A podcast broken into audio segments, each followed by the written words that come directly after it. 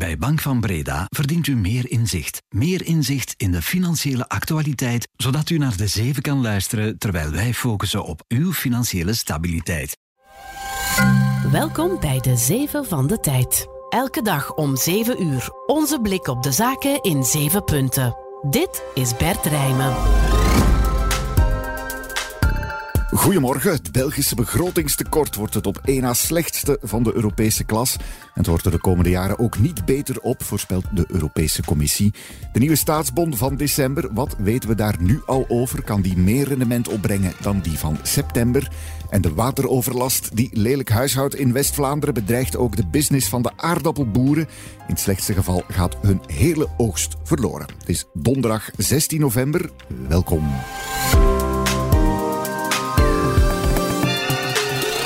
De zeven van de tijd. 1. Het begrotingstekort van ons land zal groeien tot het op één na slechtste van de eurozone. Dat heeft de Europese Commissie duidelijk gemaakt in haar vooruitzichten gisteren. Het Belgische tekort zal dit jaar al groeien tot 4,9 procent. En tegen 2025 zal de pijnlijke symboolgrens van 5 procent worden overschreden.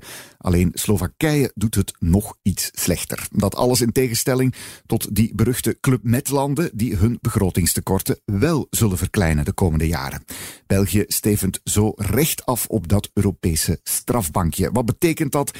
En valt daar dan echt niets meer aan te doen? Goedemorgen, Chris van Haver. Goedemorgen Bert. Europa-expert hier bij de tijd. Chris, ons land doet het ja, niet al te goed hè, in vergelijking met de Europese buren.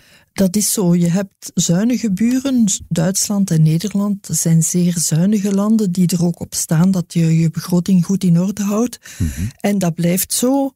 En dan heb je ook het Club met groepje van zuidelijke landen die eigenlijk veel te weinig doen, net als België. Je spreekt dan over Spanje, Frankrijk, Italië vooral natuurlijk. Maar zelfs die zuidelijke landen die doen het vandaag beter dan België in het beperken van het begrotingstekort.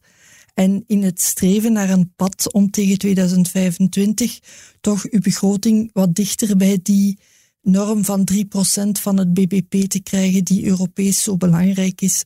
Terwijl in België de begroting het tekort maar blijft stijgen. Hmm, norm is 3%, Chris. Wij steven af op 5%. Waar zit ons probleem uh, precies? Wat kunnen we daar ook nog ja, aan doen? Ja, het probleem zit niet bij de inkomsten, maar wel bij de uitgaven. Hè. De gezondheidszorg kost veel geld in België. Mhm. De pensioenbetalingen worden ook altijd maar duurder en wegen enorm ook op de begroting. Dus de uitgaven blijvend stijgen. Het is bijna een, een sneeuwbal die altijd maar dikker wordt, waar dat een halt aan toegeroepen moet worden of waar toch een ingreep moet in gebeuren. Mm Maar je kan niet blijven besparen, besparen, besparen om dat allemaal te blijven opvangen. Nu, vanaf volgend jaar heeft de commissie al aangekondigd, zal er dus opgetreden worden tegen landen die zich niet houden aan de afspraken en, en hun begrotingstekort niet onder controle krijgen in juni waarschijnlijk, net na de verkiezingen, tijdens het Belgisch voorzitterschap, dreigt België op het strafbankje te belanden. Geen fraai beeld, eh, Chris. Inderdaad, tegen juni moeten we een aangepaste ontwerpbegroting hebben, waar Europa dan ja, tevreden mee is. Of dan komen we op dat strafbankje. Wat betekent dat eigenlijk, dat strafbankje? Dat is eigenlijk een vorm van curatele. Je komt eigenlijk een beetje onder toezicht van de commissie, die u eigenlijk dwingt van een op dingen te doen wat, wat niemand graag heeft. Dat de commissie zich zou gaan moeien met wat je moet doen. Maar, maar dat is eigenlijk bijna het laatste wat dat je kan. Namelijk zorgen dat die ingrepen die moeten gebeuren, dat die gebeuren. Onder Europese curatelen liever niet natuurlijk. Dankjewel, Chris van Haven. Graag gedaan. 2. Mr. President, we know each other for a long time. I think it's paramount that you and I understand each other clearly, leader to leader We have to ensure that competition does not veer into conflict. Amerikaans president Biden spreekt rechtstreeks tegen zijn Chinese ambtsgenoot Xi Jinping. Het is belangrijk dat we elkaar blijven begrijpen en dat onze concurrentie geen conflict ontketent, zegt Biden. De zeldzame face-to-face tussen de twee kwam er gisteravond laat onze tijd tijdens een top in San Francisco tussen landen rond de Stille Oceaan. Ook Xi sprak enigszins verzoenende taal. Hij zei tegen Biden dat twee grote naties als de Verenigde Staten en China elkaar niet de rug kunnen toekeren. De resultaten van de vier uur durende gesprekken komen vanmorgen stilaan naar buiten. De VS en China gaan hun militaire communicatie hervatten. De twee legers spraken niet meer met elkaar sinds het verrassingsbezoek van de toenmalige parlementsvoorzitter Nancy Pelosi in augustus vorig jaar aan Taiwan. China beschouwt dat land als een afvallige provincie en dreigt al langer met een militaire actie. De VS beschouwt Taiwan als een bondgenoot communicatielijn tussen de beide landen moet een plotselinge militaire escalatie vermijden. Naast het hervatten van die militaire contacten kwamen de VS en China ook overeen om gesprekken te houden over het gebruik van artificiële intelligentie. Xi zei ook bezorgd te zijn over de Amerikaanse beperkingen op de export van chips en chiptechnologie naar China. Dat brengt onze economie ernstige schade toe, zei Xi. De twee landen gaan ook samenwerken in de strijd tegen drugs. China gaat de export beperken van grondstoffen voor de drug fentanyl, die in de VS veel doden veroorzaakt.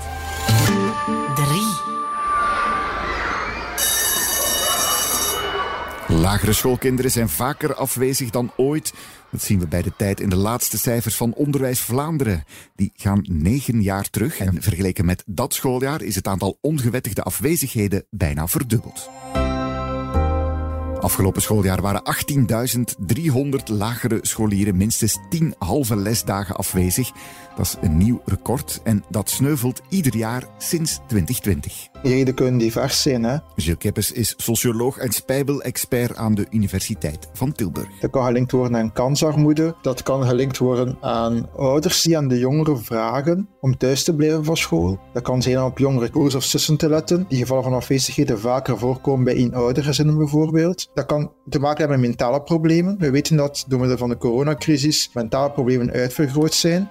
Luxeverzuim kan daar ook onder zitten. Luxeverzuim is simpelweg een afwezigheid, motiveert de ouders om iets leuks te doen tijdens de afwezigheid. Klassieker is op reis gaan tijdens de schooluren omdat de vliegtickets dan goedkoper zijn. Veel mogelijke redenen dus. Zeker is wel dat afwezigheid achterstand veroorzaakt op zeer lange termijn. En het is vaak een probleem dat echt een hele schoolcarrière aansleept. We weten dat jongeren die onwettig afwezig zijn in het laag onderwijs, de kans dat ze ook afwezig zijn in het secundair onderwijs is een pak groter. Dus het is echt wel een signaal van kijk, ook in de komende jaren gaan waarschijnlijk die cijfers in het secundair onderwijs stijgen. Als daar niets aan gedaan wordt, als ze niet begeleid worden. Dus dat is ook wel een wake-up call naar het onderwijs naar ons allen toe, dat er toch wel iets fout loopt, jammer genoeg. De Vlaamse minister van Onderwijs Ben Wijts wijst vooral op de verantwoordelijkheid van de ouders voor de afwezigheden.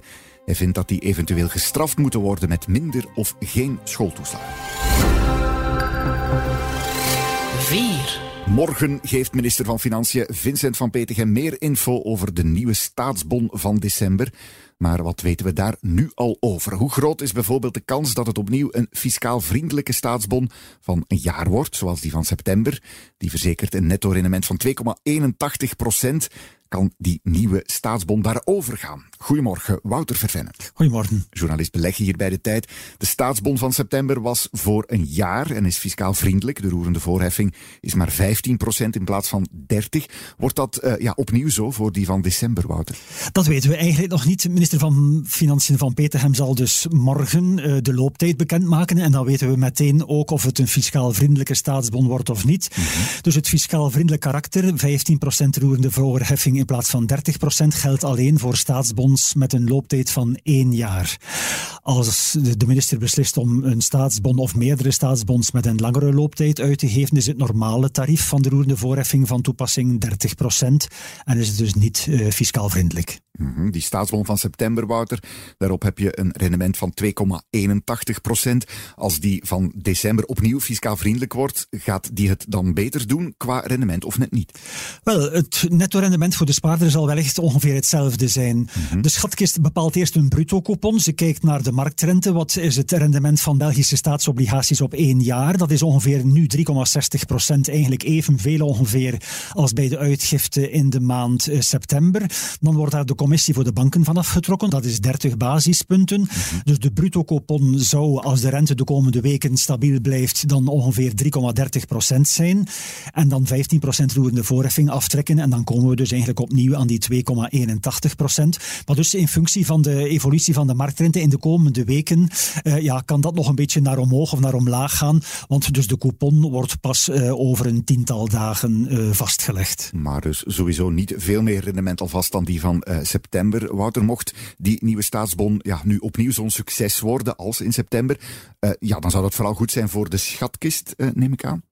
Ja, dan wordt de schatkist opnieuw met een, ja, een luxe probleem eigenlijk geconfronteerd. Want mm -hmm. ja, ze zit eigenlijk nu nog met een berg cash van ja, de enorme opbrengst van de uitgifte van uh, begin september. 21,9 miljard. Als er dus opnieuw een fiscaal vriendelijke staatsbon komt die opnieuw vele miljarden ophaalt, ja, dan is dat eigenlijk geld wat de schatkist niet onmiddellijk nodig heeft. En dat ze gaat beleggen op korte termijn. Maar natuurlijk volgend jaar zal ze dat geld dan nodig hebben om ja, het begrotingstekort van volgend jaar uh, te dekken. En ook om ja, vervallende staatsobligaties uh, terug te betalen en te herfinancieren. Benieuwd naar wat Van Petegem daar morgen over zegt. Dus dankjewel, Wouter Verven. Vijf.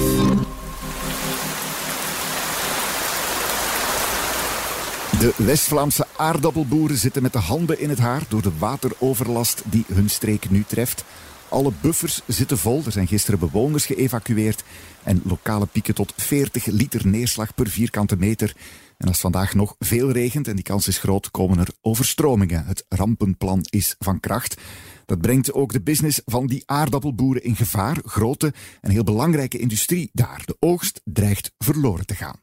Voor ons heeft het inderdaad een, een hele grote impact. Steven de Kuiper is agrodirecteur bij Frietreus Agristo en voorzitter van sectorvereniging belpotato.be. Regenweer betekent dat wij geen aardappelen kunnen uh, bewaren, dat die niet gesekt zijn, om nog in de bewaarlots te stoppen. Daarboven zijn de neerslaghoeveelheden van dermate uh, grote orde dat we um, niet meer kunnen rooien. Velden staan onder water, de grond is niet verwerkbaar meer door de rooimachine. Ja, nu neemt het echt wel dramatische grote ordes aan. Vooral als het in West-Vlaanderen nog lang nat blijft en dan vriest, dreigt een catastrofale misoogst, zegt de Kuiper. Als we echt vorst krijgen, dan spreken we ja, min 5 graden of, of iets meer. Dan drinkt die vorst ook in de aardappelen. Daar is uh, het kwaliteitsverlies in die mate dat het uh, ja, catastrofaal is of dat die aardappelen mogelijk definitief verloren zijn. 6. Een goedkope elektrische auto. Dacia biedt er een aan, Citroën en verschillende Chinese merken hebben er beloofd aan Europa. Tesla zal er mogelijk één aankondigen. En nu sluit ook Renault zich aan in het rijtje met een erg scherpe pitch. Een batterij stadswagen voor minder dan 20.000 euro. Die zal wellicht Twingo heten, doet bij de kenners vast een belletje rinkelen en tegen 2026 op de markt worden gebracht. Dat heeft Renault-CEO Luca De Meo gisteren bekendgemaakt op de investeerdersdag van Ampère, de elektrische dochter van Renault. Die is begin deze maand afgesplitst van het moederbedrijf en krijgt volgend jaar een eigen beursnotering. Renault verkoopt dit jaar ongeveer 45.000 elektrische auto's. Dat moet onder de nieuwe Ampère-paraplu tegen 2025 stijgen naar 300.000 per jaar en in 2031 naar minstens 1 miljoen. Hoeksteen, zegt Demeo, worden dus de goedkopere modellen. 7. I'm afraid, Your Majesty, interest in the princess's private life is unlikely to die down anytime soon. All one wants is for that girl to find peace. Een stukje trailer van The Crown, seizoen 6. Why yes, indeed. We gaan het hebben over de streaming business. Netflix dropt vandaag het laatste seizoen van zijn bewierookte blockbuster-serie over Queen Elizabeth en het Britse Koningshuis. Vorige waren al fel besproken, maar dit wordt het controversieelste seizoen van allemaal. Voorkennis. Dat komt natuurlijk omdat de gebeurtenissen in de serie nu wel heel dicht bij het heden komen en dat is niet zonder risico. Seizoen 6 zal de dood van prinses Diana en de nasleep uitgebreid in beeld brengen. Iets wat veel, vooral Britse kijkers, zich nog goed herinneren en waar ze heftige emoties rond koesteren. De Britse pers stond onlangs al op haar achterste poten over een gelekte passage waarin de overleden Lady Di in de serie terugkeert als geest. Dat lokte veel verontwaardigde reacties uit. Een serie waarbij de bus rond dus bijna even interessant is als de afleveringen zelf. Daarmee zit deze de 7 er weer op. Wie nog meer toppodcasts wil horen, check de nieuwe aflevering van de Beursvailleurs, de beleggenpodcast van de tijd. Deze keer zit de CEO van de Belgische Voetbalbond aan de tafel van host Thomas de Soete. Manu Leroy is dat, die volgt het economische nieuws op de voet. Maar aan de ex-Olympier, ooit doelman van de Red Lions, is geen groot belegger verloren gegaan. Maar nu had jij Atenor in jouw portefeuille zitten? Nee, of dat je kunt, want ik koop meestal aandelen die zwaar verlies maken. Dus dat je. Over zijn andere misser hoor je ook alles in de beursvailleurs. Luisteren, zou ik zeggen. Wil je de beursvailleurs trouwens live zien? Dat kan nu zaterdag op Finance Avenue, de grootste geldbeurs van het land, op Tour en Taxis hier in Brussel. Alles wat je wil weten over sparen, beleggen, IMO kopen of verkopen. En dus ook een live opname van de beursvailleurs. Het is er allemaal te vinden. Inschrijven kan nog steeds en is gratis bovendien. Voor alle info check financeavenue.be. Voor nu alvast een fijne dag en tot morgen. Dit was De Zeven met Bert Rijmen. Productie door Roan van Eyck van op de redactie van De Tijd. Bedankt om te luisteren. Morgen zijn we er weer. Tot dan.